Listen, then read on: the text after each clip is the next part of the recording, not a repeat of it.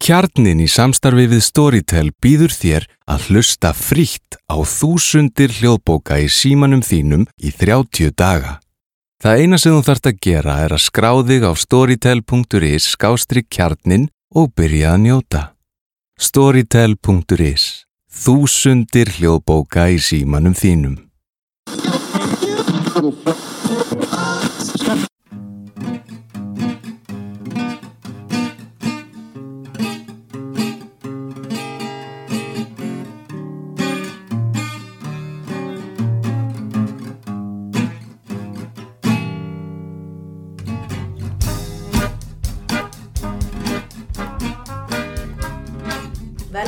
Samtal við samfélagið hlaðvarp félagsfræðinar. Hjá mér í dag er Kristi Smith en hún vinnur við Washington Háskólan í St. Louis í Bandaríkjunum. Hún lauk doktorsprófi frá Indiana Háskólanum þar í landi árið 2012 og hefur kent við Oberlin College og var nýdoktor við Ohio State University. Eh, Aðalsvið hennar innan félagsfræðinar er félagsfræði mentunar og árið 2016 kom út fyrsta bókin hennar Reparation and Reconciliation The Rise and Fall of Integrated Higher Education en þar skoða hún sérstaklega hvernig ákveðni skólar í bandaríkjunum á 19. öld byrjuði að kenna svörtum og hvítum, körlum og konum saman en fram að því hafði aðskilnaða stefna viðgengist. Ég skipti nú yfir á ennsku. Welcome to the podcast, Christy. My pleasure. Uh, to begin off here, uh, we would like to know a little bit more about you and maybe particularly how you became interested in sociology and your educational journey. Thank you. Um, I, I guess what I would say is when I was growing up, I mostly lived in Germany. My father worked for the American Army during the Cold War. Um, and I was I was here during the the change, um, during the when the wall fell and such. Um, and prior to that, you didn't see the kind of inequality um, that I've since seen so much of in the U.S. And so when I moved to the U.S. at 17, it was a very dramatic shift. Um, even the American high school that I attended in Frankfurt, um, there there were very few differences among students. Everyone had decent housing. All the families had accessible food, um, which was supplemented by the government through low cost groceries and such. Um, so we really had a very strong welfare state, and that was sort of what I anticipated was life would be like in the U.S. Uh, and it certainly was not that. Um, so when I moved to the greater New York region. Um, my father was stationed at West Point, and I attended a high school where, at the time, around 30% of students graduated mm. between the grades of 10 and 12. Um, it's especially dramatic because in the US, most dropouts actually happen in seventh and ninth grade. So those are the kids that should have mm. already really sort of maintained. And seventh uh, and ninth grade, the ages are? Uh, 13, 14, 13, and 14. around, yeah, wow. and 15, 16. So. Yeah by law, you're obliged to go until 16, but we know those are sort of the moments when high levels of truancy begin and students sort of slowly leave the system. Yeah. Um, and the high school that I attended was also, um, I think at the time, it had a very low number of white students. Um, a high number of undocumented students from Latin America, and, and um, but was predominantly African American, and just sort of seeing the difference in college advising that I got and I, I should say I was not a very good student coming in. Um, I was really not a very good student. I can't stress that enough. Um, and um, but nonetheless, everyone talked to me about college. Yeah. And some of my friends who were African American and who actually were very good students, people were not talking to them about going to university. Yeah, that's amazing. Yeah. I mean, I don't know if amazing is the right word. Right. Horrible, maybe. It was very stark. Yeah. Yeah.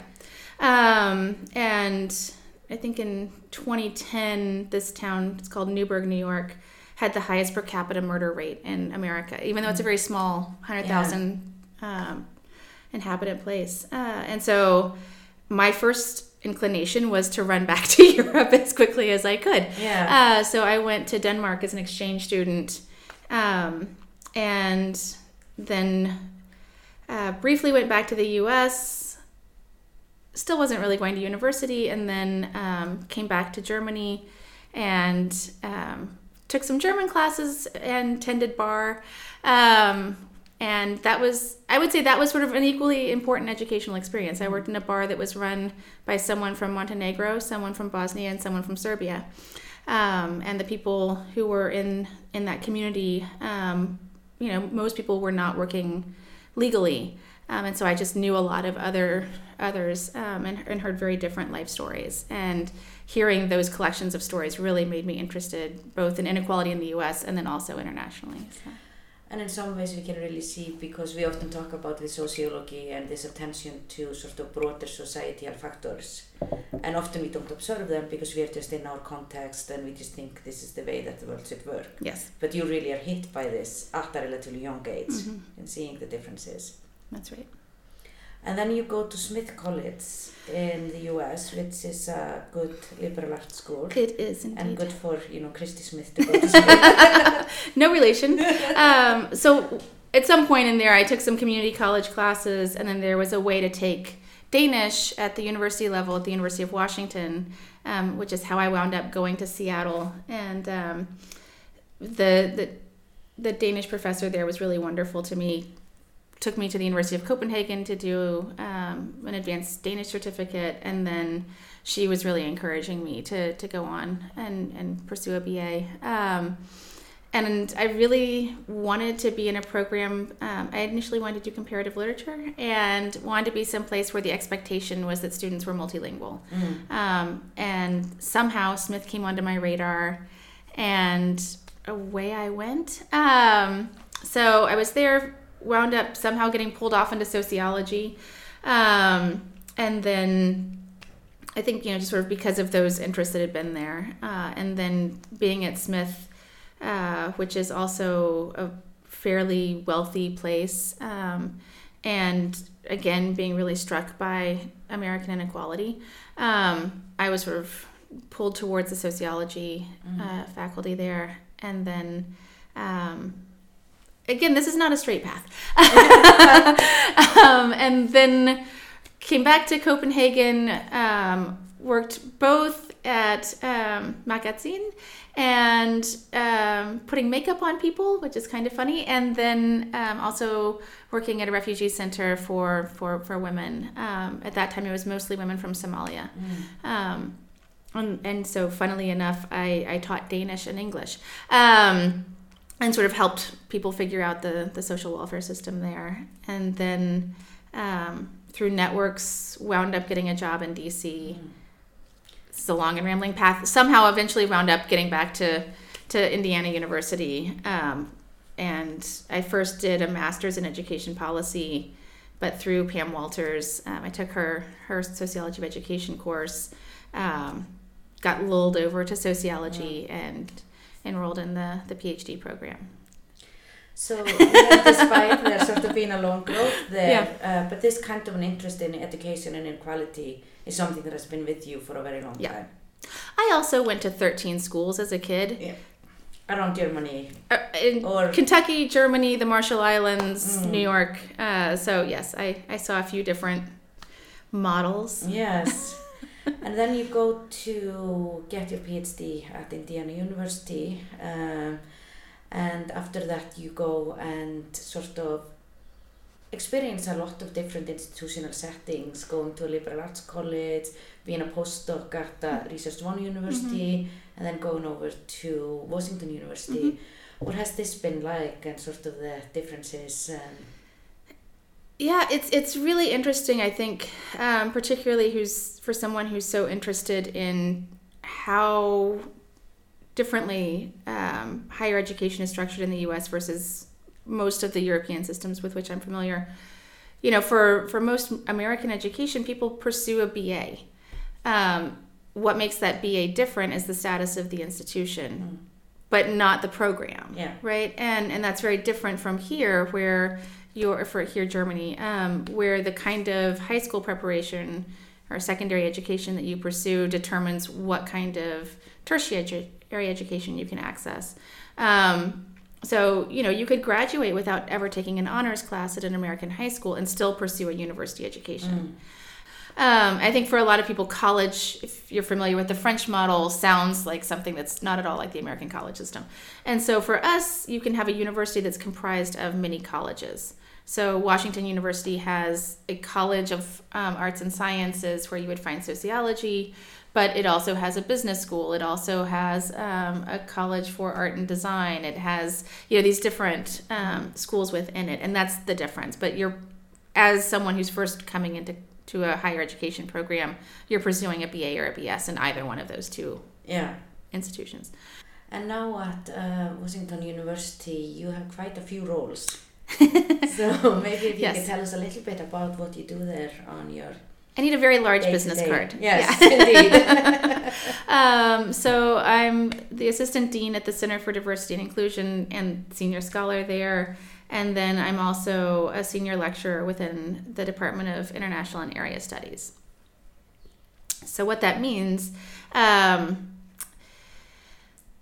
until 2015, I believe. Um, yes, we're coming up on the fifth year anniversary there wasn't a, a Center for Diversity and Inclusion, which most American universities have something of that sort. Um, so it's fairly late in getting something like that. It had been preceded by things like a Center for Social Justice or, or, or Social Justice Center. Um, so it's not as though these were the first times that anyone had been concerned with diversity and inclusion, but it was a new a new entity on campus. Um, my role really within that is a lot of committee work and. Um, advising on on sort of ways that different offices could go about both sort of the how they think about what inclusion and ex- equity and access mean for what their work looks like, um, as well as how do we um, sort of try and, and bring things that people are doing across campus together because you know university we've got seven different schools people are doing all sorts of different things but trying to make sure that we're in conversation and working um, fluidly is important. So, so that's sort of what I do in that in that side. Um, I also work fairly closely with institutional research to figure out how do we measure when we're doing well and, and where we need to do things differently. Um, and then for international and area studies, I teach a few different a few different courses there, um, and so it's a, it's a nice mix of getting to teach and then also trying to figure out what I've done um, as a scholar that now applies to to practice. Mm. And I think one of the things that I find particularly interesting, and many American universities are very good in doing this, I think it's something that we don't too little about in at the University of Iceland in sociology in particular. Um, so our students can go abroad and basically go to university for a semester, Mhm. but we don't really have these courses that sort of end in like a senior or like a faculty-led trip. Mhm. And I know you're working on uh, such a Yes. course now. uh, so maybe if you could tell us um, a little bit about what that is, what kind of experiences students have, and maybe why do you think that's important to Sure. offer this to students? Um, so the course that uh, a, a colleague and I are working on is called an ampersand course, and it's a first course. I think one of the major reasons why WashU wants to offer this is to help first year students come in, find a sense of community, get to know a small group of people well, develop faculty relationships, um, and then I think you know. I, I'm very empathetic to this because to me, if I get to sort of fully enmesh myself in something, I'm far more uh, successful in it. I, I care more about it and it's more meaningful to me. Um, so in the fall, um, my colleague will teach a class that looks at the current humanitarian crisis in the Mediterranean um, with refugees. Um, and his work has largely taken him to refugee processing centers in Sicily, um, and then he has ties to Morocco and France. Um, so it, he's a political sociologist and, and trained in, in Paris actually, and so that's that's will be his course. So that's their first introduction, um, and then my course is is a revision of a course that I've taught as well, but at the senior level called Borders and Belonging, um, and there we sort of think about what does citizenship mean? What does it look like? How has it evolved over time? Um, and then how do we understand the ways in which we bring people who are displaced by war um, or, or other major factors into a new country and what are the challenges around that? How do different countries respond different differently? And then there's two separate things that we're doing on top of that. This is a very complicated course um, and but i'm excited about it. So this year we have a grant to work with a school district that is for the first time um, in the past three years accepting or enrolling excuse me um, students who have who come from refugee status and so they have a number of syrian students but they have just hired teachers who can teach English as a second language, um, and they have two for the entire district. Mm. So it's a big challenge, um, and how these students are faring. You know, the way I found out about it is I sit on a community committee around um, the school district, and I heard the ESL English as a second language teachers talking about the social challenges student faced. Mm. Because the U.S. has a difficult process for entry for refugees, um, people who are coming from Syria are also coming from you know fairly well off families back home most of the students that are now in this district had owned their own businesses um, they'd been fairly well off if you look at what the kids can do in math they're quite a bit ahead of their american counterparts yeah. and they're really being held back by by language mm. which of course inhibits all of their social relationships too yeah. um, so my colleague and I want to figure out, you know, are there ways that we could also have our students sort of see what this is like on the ground in mm-hmm. in our neighborhood essentially um, and find ways that we could be of use with that while while making sure that that's sustainable yeah um, so that might be information nights for parents or you know we we know that they need a lot of tutoring are there ways that we can allow for some time in the semester for students to go weekly and offer some tutoring services stuff yeah. like that but just sort of to um, to connect them, to connect them to the community and what is going on in St. Louis. Exactly. What you're focused on in the academic. Yeah.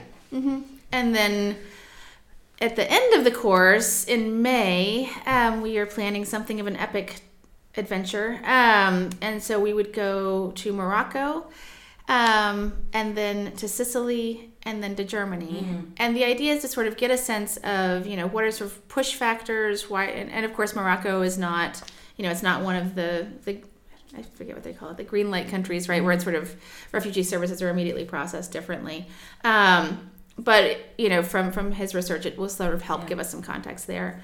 And then what we see in Sicily as you know a place where refugees are arriving, um, and then you know, I really. Um, I'm, I'm deeply moved by what you see happening in Germany. And I understand it's not perfect. Yeah. But when I see the kinds of personal and civic engagement that you see from people here, it's unlike anything that I've seen in the US. Um, Can you give an example of what kind yeah. of things you've observed? I mean, of course, we all saw in you know 2015, 2016 yeah. the train stations, right? And yeah. having spent my whole life at going through the Frankfurt train station, seeing that welcome scene was just overwhelming. Mm-hmm. Um, and you know, I sort of thinking back, like that was not what it looked like exactly when the wall fell, right? Yeah. Um, but there was this outpouring of support. And now you see it in terms of just the way that individuals create opportunities to connect. So there's here we have something called the um, 83 integrated um, that helps people find helps refugees find places to live um, people actually take them into their homes. Mm-hmm. and if you have a spare room they ask for you to share it um, help someone get on their feet. Mm-hmm. sort of act as a sponsor. You know who can you talk to when you need help understanding what's going on with your child's school? Who can you talk to when you're trying to figure out a conflict at, at work? Or you know those kinds of things of just getting a sense of this new place. Um, and in germany it's it's been handled at the local level. So um, it, it seems like there's this just it's a different level of personal investment. Um, there's an organization here that I'm getting involved with called Cafe Mondial. Um, that was founded because people just wanted to find a point of connection. Yeah. And so I think one of the things that's really beautiful about it is they have a very open democratic process where anybody can suggest here's a program we want to have. Mm. Um, they do run, you know, a refugee law clinic and computer classes and you know things of that sort, but that it's let's have dinner together. Mm. Let's drink a cup of coffee together. Let's have a music night. Let's, mm. you know, do things that are fun. Yeah. Um, so it's not really just dire. Like, I think in some ways, I mean, as we, as sociologists would know, like really emphasizing these things that are equally important, Mm-hmm. sort of like the social and cultural integration aspect, Yeah. as in terms of just like, you know, here is how you like, you know, use those services or here is Yes. how you learn the language, but Mhm. really becoming a part of society. Yeah. Um, and yeah, it's, I think that that, um, the difference that you see of visibility and, and connection is, is really, really neat. So, you know, it, it's not saying everything can't be Constance because Constance is a very wealthy city. It has more Yeah. resources. I'm not saying that all of Germany looks like this. Um, but even, you know, I, I lived in Cologne for a little while, um, one summer and the local library had a drop-in hour where you can say i'm going to go and talk to someone and I, I believe copenhagen actually does this too um, and i just want to ask some questions and get a sense of what you're like what i'm like and um, anyone can go and just have a conversation i think that's really neat And sort of moving over to your research, which I think deals uh, in some ways with similar topics, although in a very different context and Yes. historical period, but still these issues of inequality, integration. Um, and in your book, uh, you're focusing on the uh, US and the educational system during the 19th century. Um, and I think in some ways, like most Icelanders and maybe many of our listeners are not familiar with it. Uh, could you maybe describe to us uh, briefly what US education was like at the time and maybe particularly sort of across the lines of inequality like race Sure. and gender? um, so before the civil war very very very few people would have attended college or university um, and more than that most of the colleges and universities in the us were driven by denominations Mm. Um, so if you look at, at Harvard, Princeton, and Yale, they're denominationally based in their history. Um, and most people were going to get a, to be trained to become pastors or preachers, clergy. And you can imagine then most of these are men. Yeah, Um, yes. Presumably. Yes. Western. Um, mhm. Actually, the wealthy is not as much. oh, that's Yeah, and even Harvard, most of the students initially were not wealthy. that's really interesting. Mm-hmm. Yep. Um, and the life for Harvard students initially was really miserable. Mm. It was not uncommon to be beaten. So it, it didn't, Harvard wasn't what it is now. Yeah. Um, and, and then, you know, I think the other piece of it that does tie to some of the rest of the things we've been talking about is who's responsible for recreating a society after a war. And that was what happens with higher education. Um, essentially, there there was this conflict of in the South they had already had a better developed public higher education system. There were more universities in the South than in the North. Not what you would expect. Not what you would expect. about like, the US today. Um, and you know places like the University of Virginia, the University of Georgia, the University of South Carolina, um, they they had very um, fully developed universities, and I think New Hampshire is the latest uh, public university founded in. in I could be wrong about that. Um, but there were far fewer in the north, and most of those again were private and they were denominational. Yeah. What this also means is after the Civil War, there's this deep distrust because essentially it's not the the path forward is to say let bygones be bygones. We're not going to make this. Um, we're, we're not actually going to rake the Confederacy, the South, over the coals. Um, there was an initial fear of that, and so you had some slave owners that moved to Brazil, but very quickly they came back because Yeah. Brazil hadn't abolished slavery yet. Um, they came back very quickly because they realized there were no penalties. Yeah. There had been talk of taking their land and all these things and it and redistributing it to people who had been enslaved, um, and that simply didn't happen. Yeah. Um, so, in any event, it becomes this very democratic uh, political question of who can we trust to rebuild the South? Um, and so, on the one hand, what most people in the North, um, and particularly the people who would have fought for the Union, were the most um, progressive for their time, they had a deep distrust of any possibility of democratic process in the South because the white Confederacy hadn't actually been toppled. They hadn't been eradicated. And just to Yeah. us not Icelanders all may have this sort of on the map, but like when we talk about the South, we are talking about states like Alabama, Louisiana, Texas, Mississippi. Yeah. Texas, um, Arkansas, Florida, North and South Carolina. Yeah.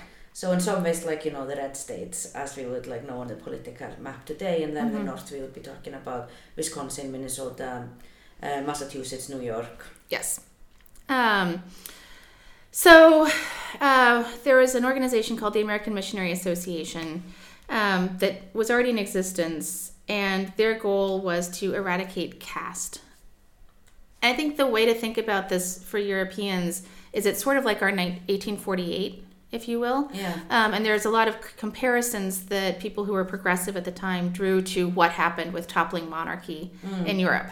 Um, and said, you know, we can think about this in the same way. There were uh, um, demonstrations of support in Manchester for people who had been enslaved. I mean, there was a, a sense that these are the workers, Yeah. and you want to topple the aristocracy that has no right to this kind of unequal privilege. Yeah. So the American Missionary Association, that was their initial goal, and they um, began very quickly to create. It was 13 colleges, um, mostly in the South, but Oberlin was one of these. Yes. Um, it was the sort of home of lots of people who had been part of the American Missionary Association. As the name sounds, it's a Protestant organization, it's a religious organization. And one of their aims was to say, we can't trust democratic process. Um, we can't let people vote on this. And we need something where we're going to be able to shield ourselves from some of the violence that's happening in the South. So if we make these private, we can use northern dollars to run more progressive organizations in the South. And so they really thought of this as not necessarily about education so much as just sort of rebuilding society. Yes. Um, and there was a very brief federal organization called the Bureau of Refugees, Freedmen, and Abandoned Land. Um, refugees would have been anyone who was a Union sympathizer getting out of the South. The freedmen were people who had been enslaved and were now free. And the abandoned lands should have been those lands that would be taken from former slaveholders.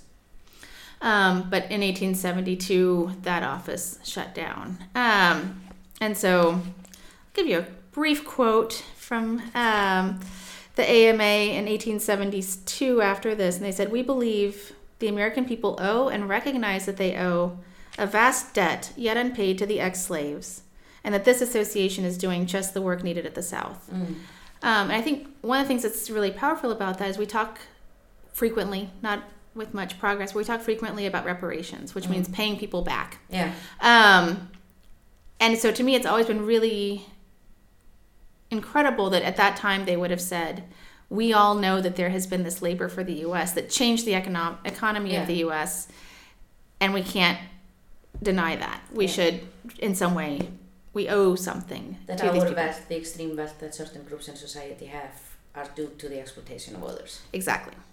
Um, so that was their um, that was sort of their mission, and by and large, they were pretty successful. Um, Oberlin was sort of the one, ironically, by being in the north, they enrolled the fewest number of African Americans. Um, there's one in Kentucky um, called Berea College that was very, very deliberate in enrolling equal numbers of blacks and whites.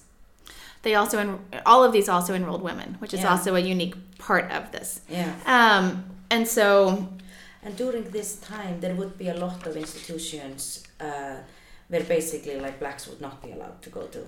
right, And so this is creating a space yes, to Yes. allowing, well, and in that case, both blacks and women to Yeah. obtain education.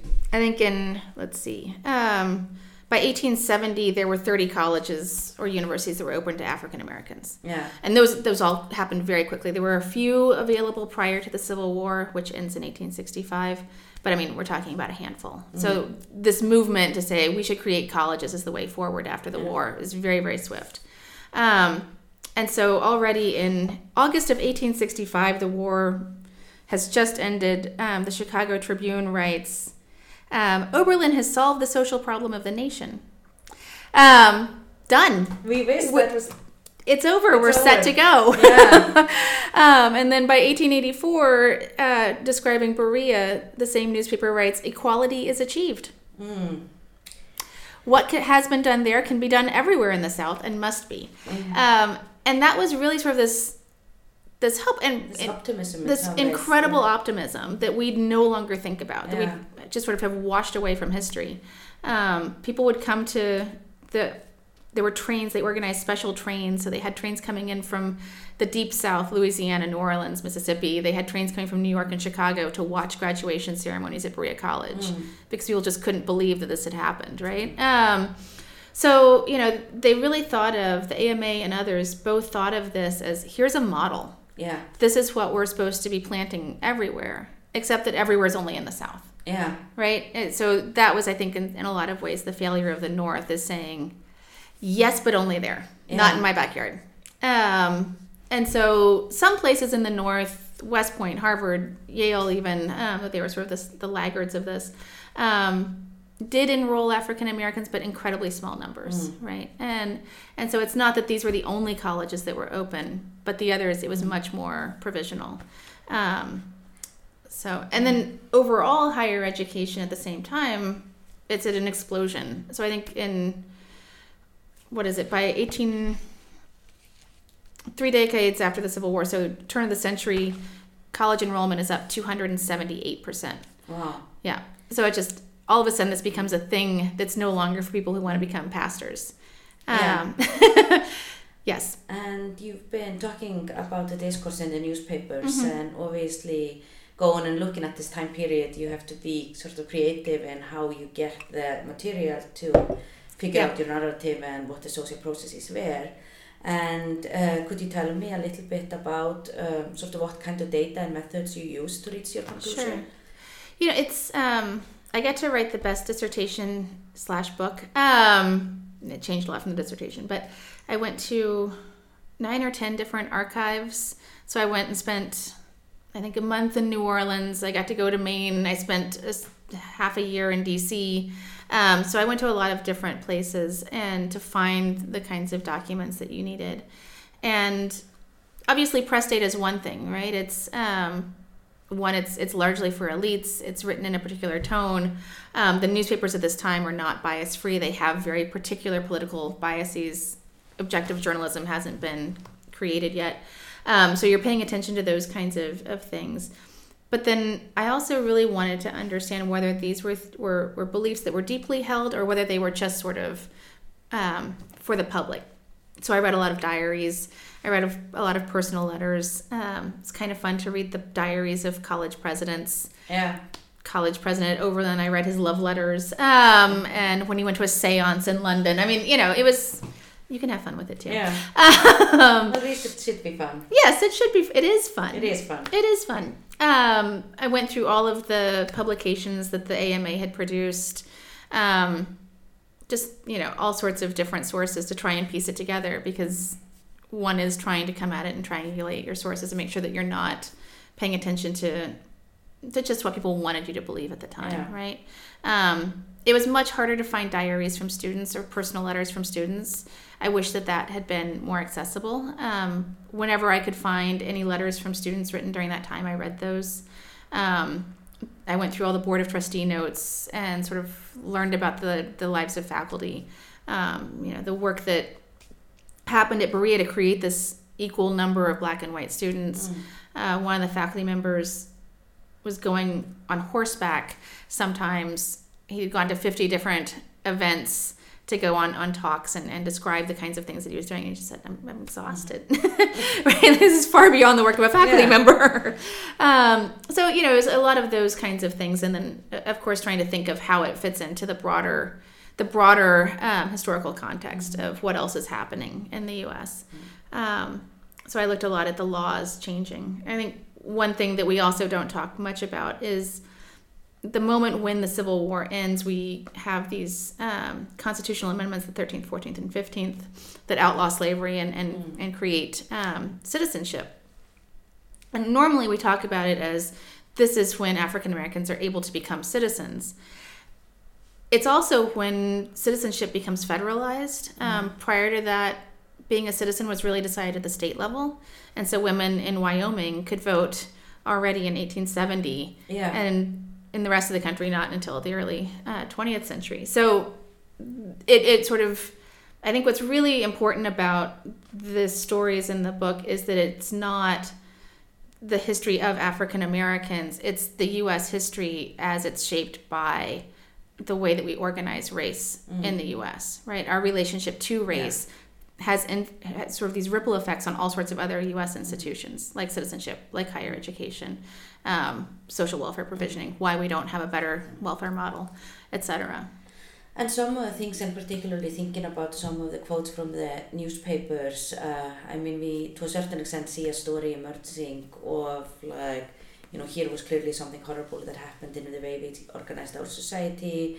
Education is like a pathway to correct that. I mean, we have these amazing colleges that like, you know, are graduating blacks and whites side by side. Um, and as you talked about earlier, optimism. Like, Yeah. but clearly, and if you think about the US today, that's not quite what happened. No. So, what were sort of the forces that were working against this Yeah. becoming a reality? And you already mentioned it didn't happen in the North. Yeah, I think status and competition are the two. Yeah. Um, you know, again, in in in Europe, it's the discourse around moral leadership as part of a college education um, is perhaps not nearly so pronounced as it is in the U.S.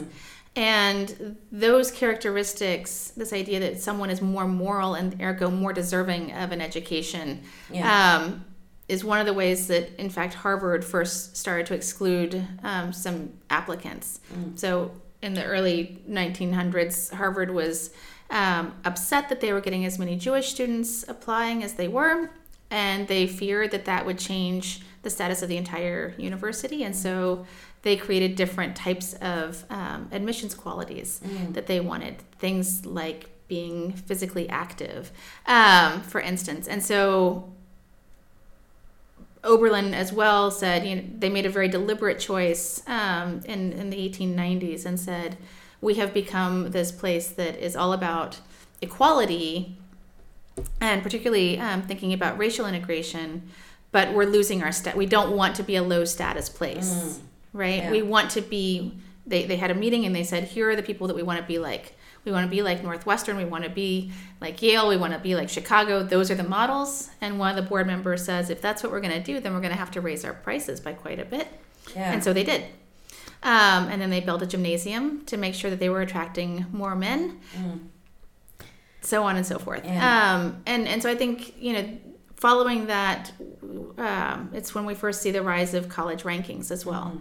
Um, and to this day, college rankings has lots of inequalities embedded into it. Um, so that actually came.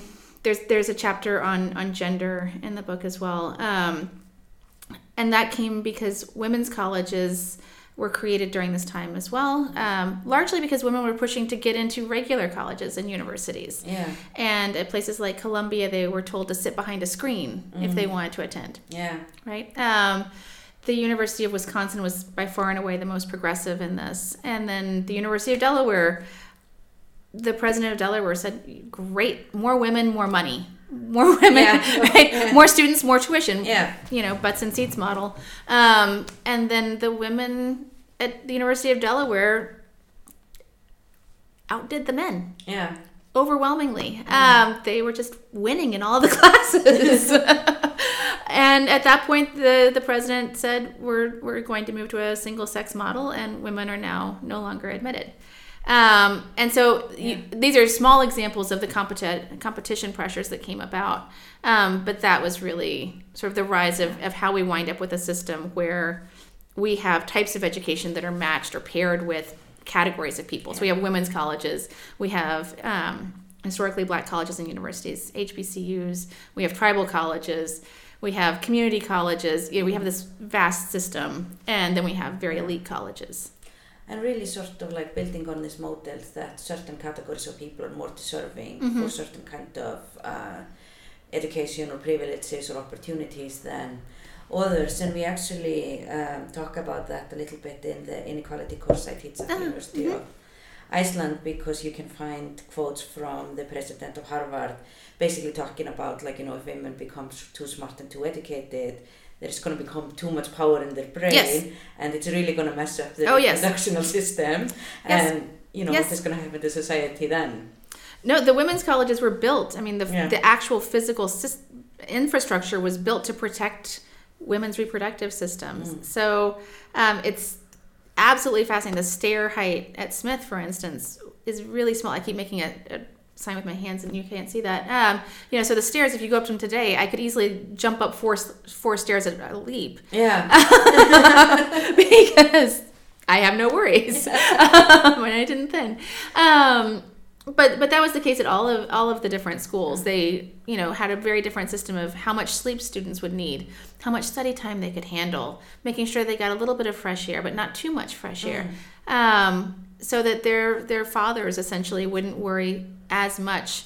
And that also changed as it went from being more middle class women to more elite women, and the more elite women, the more restrictions. Yeah. And I think sort of one of the things uh, that we sort of, I mean, do see how this is still very much a part of US society and the kind of things that are happening today. And I think it was interesting that you said earlier with um, how in some ways, even if it's not intentional, we're really creating society based on organization around race. And I think particularly if you think about some of the things that are happening regarding racial inequality in the US today, um, and I mean in many ways like St. Louis uh, has a very problematic sort of history of race Yes. relations. Uh, and I think most Icelanders probably, like, you know, obviously have heard about Black Lives Matters. And one of the ways in which that um, kind of get like a maybe national, international uh, attention were the killings by Michael Brown in 2014. Um, and sort of if you think about like how you would think about race in the US today, um, in education more broadly, and also maybe how it relates to specific places and what it's like to live in a place Yeah. like St. Louis where it's sort of maybe the tensions are very high. Yeah. Um, yeah. Mike Brown's murder. Um, I do think it it raised many issues for for lots of people across the U.S. Of course, it it sort of changed social movement, um, technology by using much more Twitter and cell Yeah. phones and those kinds of things. Um, I think what's what's really stunning about being in St. Louis, though, is not that racial inequality is somehow unique. I wish, um, or that dramatic poverty and uh, racial segregation is unique. But I think a lot of the ways that when I was viewing St. Louis from afar and hearing about Ferguson, I from the news accounts, I had a very particular view in my mind of what it would look like. And and that view was an inner city core that had been abandoned to, you know, all of industry had left, um, like Detroit or something of that sort, and where, you know, you just had had lost all of the social responsibilities um, by a government to provide for the people who lived there. Um, that was my image, right? Is is sort of deep, deep poverty. Um, and then you go to Ferguson, and I remember driving there the first time. To I went to go talk to to a, a assistant superintendent at a school district at the school district, and you're struck by how incredibly um, suburban Yeah. it is. Mm. It is not um, abandoned buildings. Yeah. It's it's not images from The Wire, the TV show, or something of that sort, right? Um, it's modest family homes, but other homes that that are, you know, probably worth two hundred, maybe even three hundred thousand dollars. You know, it's just there's gas station, there's you know just Yeah. regular restaurants and grocery stores, things that you in some places you wouldn't see in an, in um, a more in a more um impoverished place. And I think that was the part that really struck me is, you know, it sort of looks like what I would think of as every town USA, Yeah. right? Um, what what's really important to understand about St. Louis that is the way that segregation has shaped the city is with um, desegregation. It's a very complicated history, so I'll just do the, the glossy version. Um, instead of it being one city, it has about 80 to 90, it's sort of constantly changing, um, different municipalities. And each of these municip- municipalities has a police, fire department, school districts. Some of them are, are joined into slightly larger groups, but, but by and large, you've got 80 to 90 municipalities making up this metropolitan area. Yeah. And one of the things that was um, that I've heard, it's you know, it's not my research, so I don't I shouldn't say it too strongly, but what I've heard is, you know, part of this is because the police were under pressure um, to make sure that they sort of hit their the number of fines that they raise, and you have this this over policing in some ways because of of those kinds of um, the redlining that happened Yeah. essentially. So that part that's that's part of it. Um, I think one of the things that gives me a little bit of hope about about all of this is you also see things like Forward Through Ferguson, which is um, an, org- an organization, if you will, of uh, people who come together and try and think of what went wrong, what brought this about, and um, together, city leaders, average citizens wrote a very large document and said, here are the things that we've um, discovered as the causes for the murder of Mike Brown and violent policing. And what are the things that should come out of that? And then now, forward through Ferguson, the commission is, is looking at how do we put those um, recommendations into place? What resources do we do we need to make these things happen?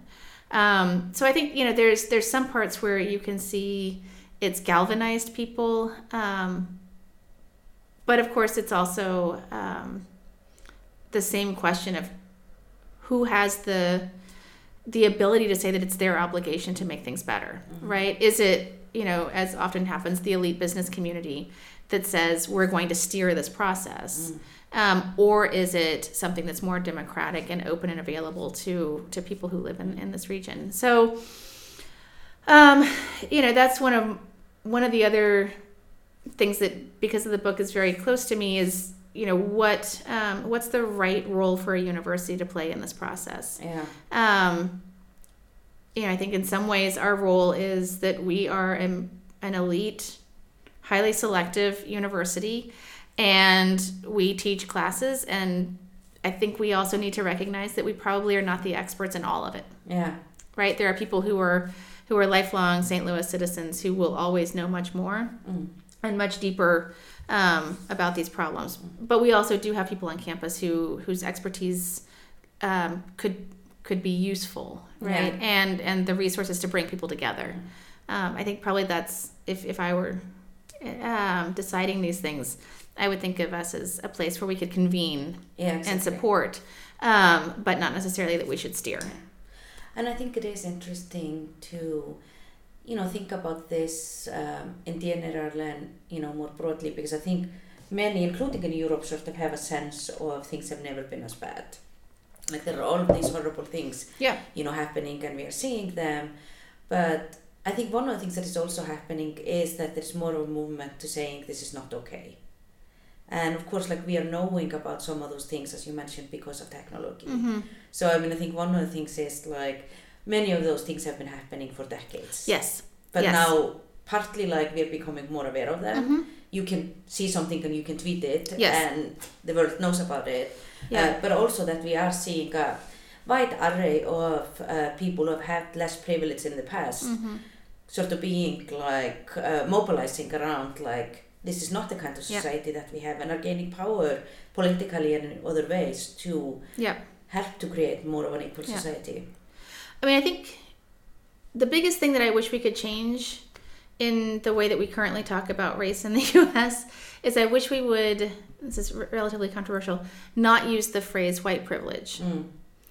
Like I think we've reframed it in a way that that takes out the fact that we should think of these as rights, Yeah, right? That we have a right to political participation. We have a right to be treated fairly Yeah. by the people who police. Mm. We have a right to an education system that is at least fairly equitable. right? We should we should not think of these as this is my privilege because I went I grew up in a more Yeah. affluent area to have a better education. Or that I'm Right. allowed to vote without having to show multiple forms of ID or get to a voting polling place that's very far away. Um, so I, I really wish that we would think in the US much more um, and I guess you know this is me being influenced by Scandinavia in some sense, right? Is these are not these are not my Yeah. privileges. No, this is my right. I mean, one of the things that was very interesting, or like, I don't know if interesting is the right word as much as maybe shocking, and as someone who studies health and illness, to hear for the first time really this notion of healthcare being a privilege yes. rather than just a fundamental social right. Mhm. And I mean, that's a very different way of being in the world. Yeah. And sort of to conclude, I don't think we will solve all of this to today, uh, but now you're spending the year here in Europe, and we've talked about uh, the differences that you've seen between the Europe and the US, sort of, and how it has really shaped you Mhm. as a person your entire life. Uh, but if you sort of think about uh, Europe and the US today and being in the two countries, your daily lives, um, what do you sort of see as the major differences and maybe similarities? Um, first and foremost, I don't worry about violence. Yeah, I don't ever worry about um, guns, yeah, and I don't change anything around my life. I don't. At home, I ask people if they have a gun in their home now, if before my child would go to their house, yeah, and I feel like that's my friend's brother was shot in the head, and so I feel um, because he was playing with guns, and yeah, that's that's pretty simple. yeah. um, And that's again, I mean, not to go back to the discuss of privilege, but I mean, in some ways, I mean, for Europeans not to having to worry about that mhm. um, on day-to-day basis is quite a privilege. Yeah. I Or maybe a right. I mean, I hope really I, should be I a really right. feel like it should be a right Yes, to not worry course. about being Yeah, shot. Yeah. Um, But that's also, as you mentioned, with like St. Louis being rather violent city and sort of in terms of how the areas that intersect. yeah. Um, yeah, and I mean, you know, where, where I live in St. Louis, we have had violent events in the middle of the day on a Sunday. Yeah. Um, someone got angry at someone for their driving behavior, got out of the car and Yeah. shot them. Um, Yeah. And I think It's one not of the okay. difference, because obviously many Europeans might think like, well, bad things happen here too. yes, I And understand Of course that. they do, and they can happen everywhere. But I think one of the major difference, and you often feel that, and I felt that moving from the States to Iceland, is what is the expectation? hmm Like, of course, bad things can happen Sure. anywhere. Yeah. But do you expect them to happen? Yeah. I think, you know, one of the things that I just um, really enjoy when I'm here is that I can talk to people who have a very broad perspective. Mm. Um, people have traveled much more on, I think, on average. Um, even you know people who wouldn't necessarily be at the top income bracket Yeah. um, have been other places and have a, a different horizon or m- perhaps more attuned to international news. Um, I really enjoy that, you know, the school, my, my son's in kindergarten here, um, and 50% of the kids speak a second language at home, and that's celebrated. Yeah. Um, you know, those kinds of things I think Yeah. are really wonderful. Um, so, you know, there's there's too much, but uh, I think the excitement of getting to be here for 14 glorious months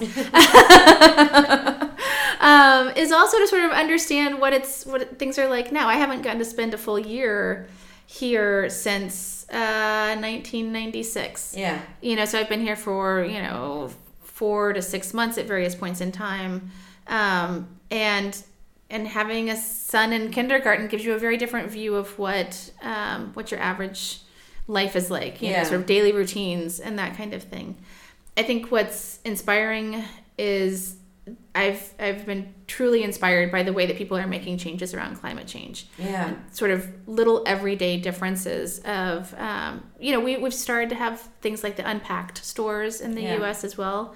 Um, but of course biking and being able to bike and um, cars knowing that bikers exist and you should pay attention to them. Those are those are wonderful. And um, so I, I think one of the things that i'm excited about is just sort of gathering a lot of ideas about how other ways one can structure one's life Yeah. Well, I think we will conclude uh, with that optimistic note about the beautiful town of Constance, a little could it be nicer on earth. yeah Uh, so thank you so much for being with us here today, and it was great to learn about your research. My pleasure entirely. Thank you. Thank you.